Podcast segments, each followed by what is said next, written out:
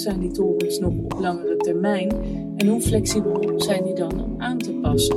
Hoeveel koffiebarren heb je nodig in een bepaald gebied? En is die... In deze podcast pluk ik wetenschappers uit de Ivoren Toren.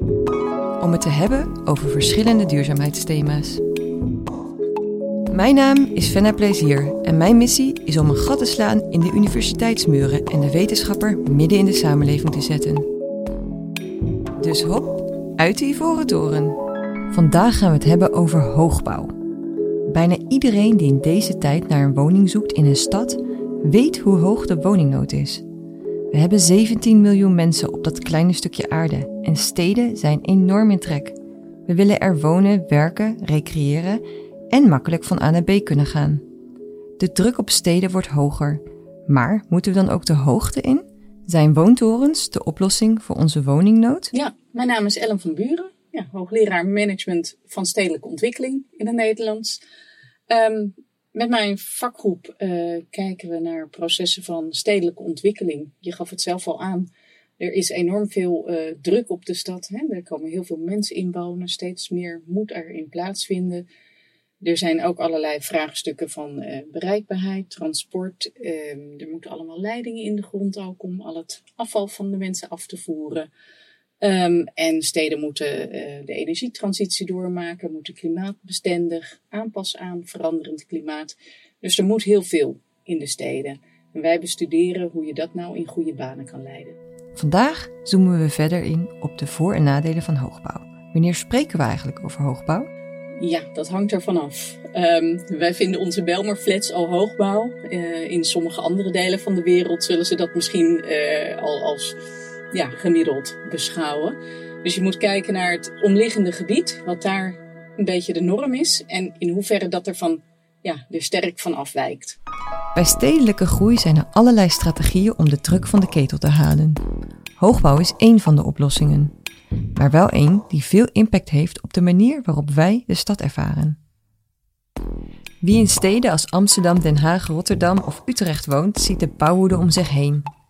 De laatste jaren lijkt het alsof er geen maand voorbij gaat en er staat alweer een nieuwe woontoren.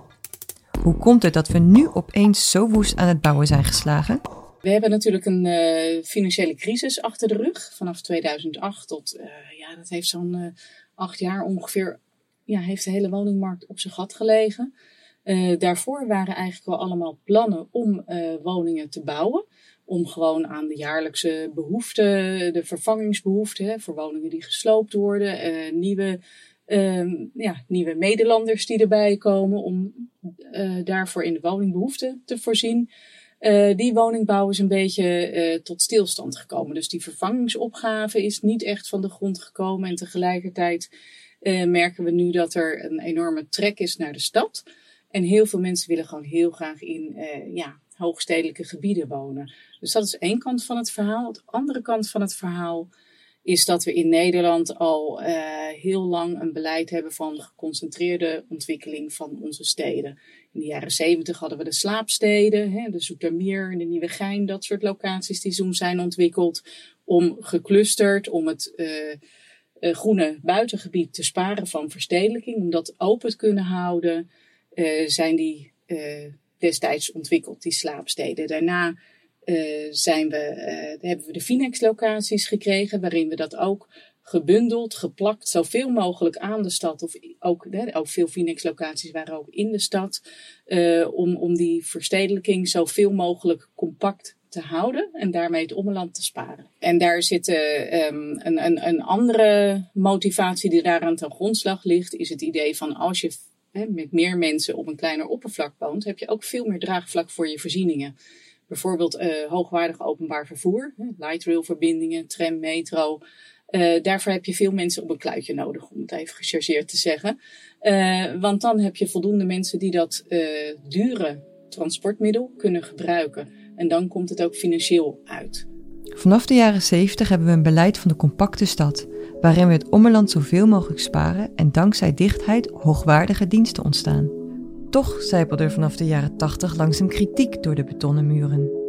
Het kan ook heel benauwend worden, zo'n stad. Uh, en er is er dan nog wel plek voor groen en wateropvang. En nou ja, vooral dat laatste wordt natuurlijk steeds belangrijker. Um, en hoe geef je dat dan goed vorm in zo'n stad? En wat doet het met de leefbaarheid als je een stad te dicht maakt qua bebouwing? Nou, daar is toen, hè, dat, dat debat is toen uh, uh, verder geëvalueerd naar de complete stad. En daar werd dan gesproken van ja, je moet wel, hè, je moet het wel verdichten is goed, maar let ook op de kwaliteit. En je moet niet ten koste van alles verdichten. Dus dat moet je altijd met beleid doen en ook kijken van waar kan het op welke plekken. Van compacte stad naar complete stad. Maar hoe doe je dat dan? Luister wat architect Winnie Maas hierover te zeggen heeft. Juist met het feit dat je nou een wat rijkere stad bent, uh, moet je dat juist faciliteren. Dus doe je best Amsterdam. Want je, je krijgt een eenzijdige uh, opbouw. Alle experimenten en alle uh, mogelijke, ook alle energie verdwijnt daarmee, want een heel beperkt soort energie. En dat, dat wens je toch niet? Maar je kan best wel wat bij, hè? Die, die torens kunnen best wel hoger hier. En we waren vroeger heel trots hè, op die, die, die tien torens die hier staan. Dat is hartstikke mooi. Maar ja, ze kunnen echt wel hoger. Doe je best, Amsterdam, is de oproep van Winnie Maas. Maar voor wie doen wij dan ons best? Voor wie gaan wij de lucht in? Ja, dat is een beetje de vraag. Uh, hoogbouw is over het algemeen is het ook wat duurder, omdat je gewoon de hoogte in moet. Het is uh, materiaal- en energie-intensief. Uh, dus dat zijn gewoon dure projecten. Daarom wil je, als je toch de hooglucht in gaat, dan wil je misschien liever nog wat hoger, want dan uh, uh, ja, levert het ook meer op en kun je meer woningen uh, of bedrijfsruimte eruit verkopen of verhuren. Dus dat is de ene zijde van het verhaal. De andere zijde van het verhaal is van ja, wat voor type woningen zet je daar dan in? En, en hè, worden dat alleen maar de luxe penthouses of de, de mooie lofts? Of zijn het ook ja, kleinere appartementen die ook betaalbaar zijn voor mensen met een lagere beurs? Toen ik de plannen voor de sluisbuurt voor het eerst zag, toen dacht ik letterlijk, zijn ze van de pot gerukt. In tijdschrift De Groene Amsterdammer van januari 2018 vraagt stedenbouwkundige Sjoerd Soeters zich hardop af: Zijn we vergeten wie we zijn? We zijn een plat land met een platte samenleving en daar past hoogbouw niet bij. Soeters vreest een wijk waarin de rijken der aarde wonen in luxe appartementen, hoog in de lucht, terwijl het volk beneden in de schaduw woont. Hij schetst een expatwereld waarin de mensen onzichtbaar zijn.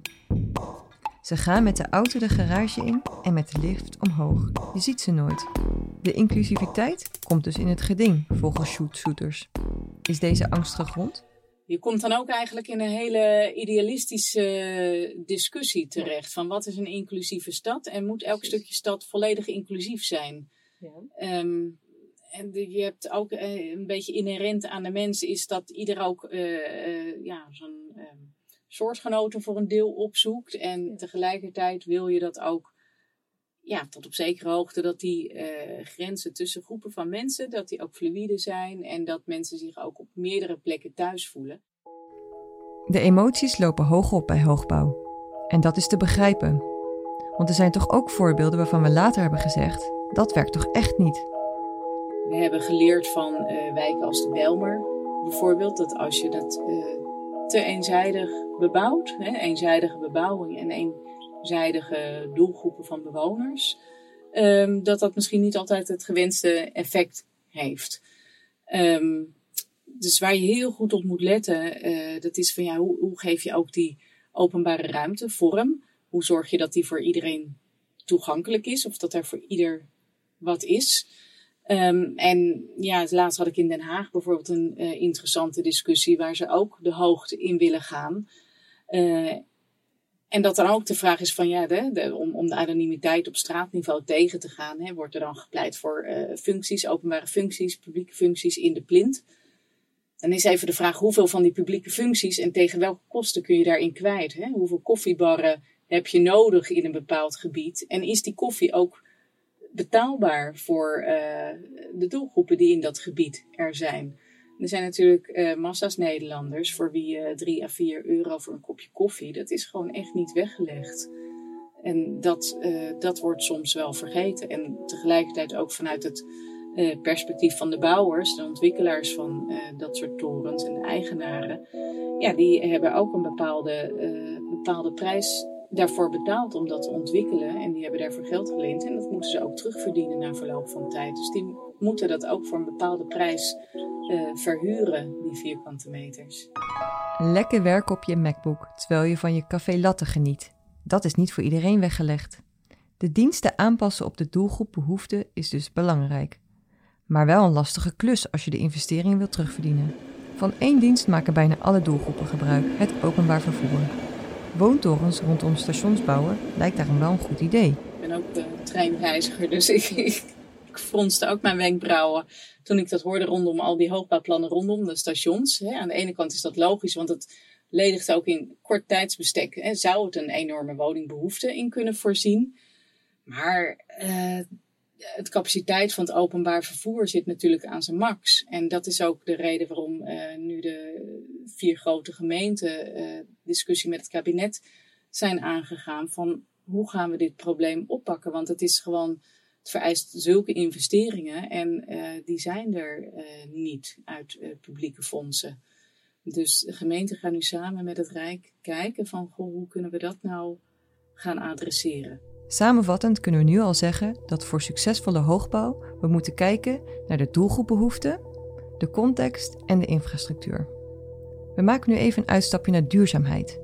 Hoe duurzaam is hoogbouw eigenlijk? Kan het wel duurzaam? Uh, puur energetisch gezien denk ik niet. Uh, je hebt heel veel uh, beton en staal nodig om de hoogte in te gaan. En ja, om beton te produceren, daarvoor, daarbij komt heel veel CO2 vrij.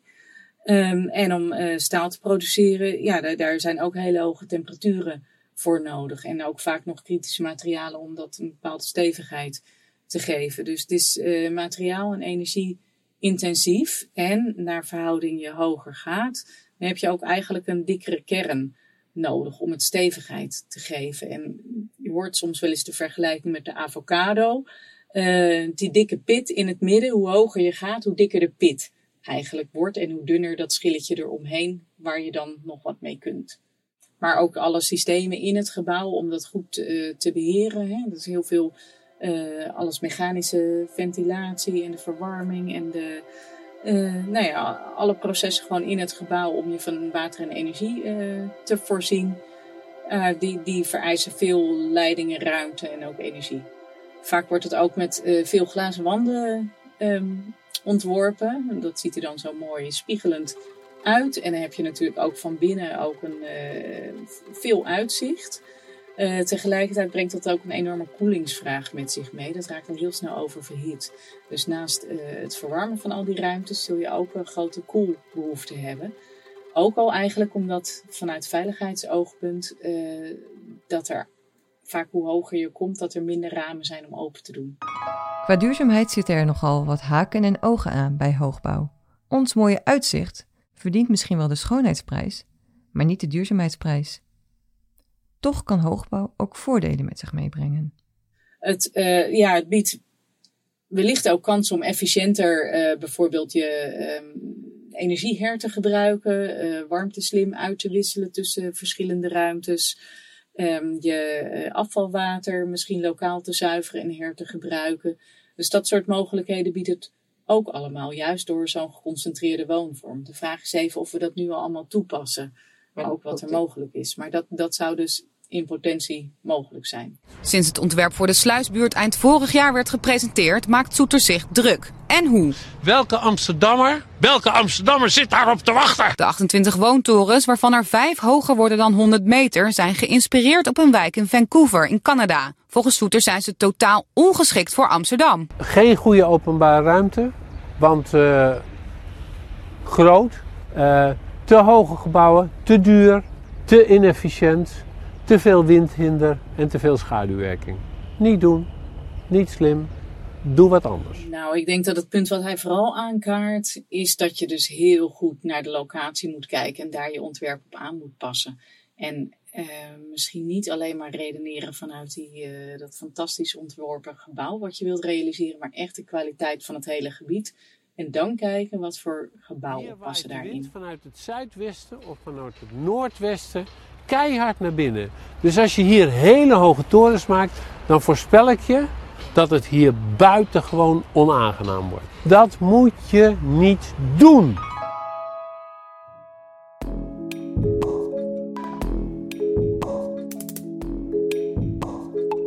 Meer luisteren? Abonneer je dan op deze podcast via je favoriete podcast-app. Meer informatie over deze podcast en over onze gasten vind je op www.center-for-sustainability.nl. Deze podcast is gemaakt door Fenna Plezier voor het Leiden Delft Erasmus Center for Sustainability. Eindproductie en sounddesign door Michiel van Poelgeest van Klank. Klank met AE. Namens de universiteiten Leiden, Delft en Erasmus dank ik ook onze gasten van vandaag. Tot de volgende uit de Ivoren Toren.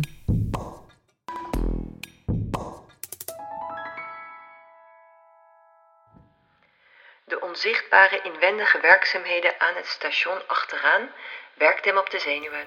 Thomas Rozenboom, Publieke Werken, 1999. Het gebouw van verse roze baksteen was klaar, maar toch onvoltooid. Soms stond het ook ineens weer in de steigers. Wat hij vroeger allemaal wel niet vanaf hier kon zien. De boten, het water, de steigers. Getergd liet hij zijn blik omlaag zakken en dichterbij glijden. Over het stationsplein, naar het nieuwe plantsoen schuin onder hem, aan de overkant van de kade. Er stond een limonadeloket en een paar jaar geleden, kort na de aanplemping, had de dienst publieke werken er een borstbeeld van prins Hendrik geplaatst, met het gezicht naar het ei. Maar tegenwoordig waren de schepen vanuit de plantsoen helemaal niet meer te zien. Het station stond ervoor, de spoordijk belemmerde het uitzicht. Wederom had de locatie hier het beslissende woord. Waarom wilde men toch niet beter luisteren? Publieke werken, hechtte hij, terwijl de hemel rood werd en het was alsof er alles wat er in de stad fout ging in die twee woorden besloten lag.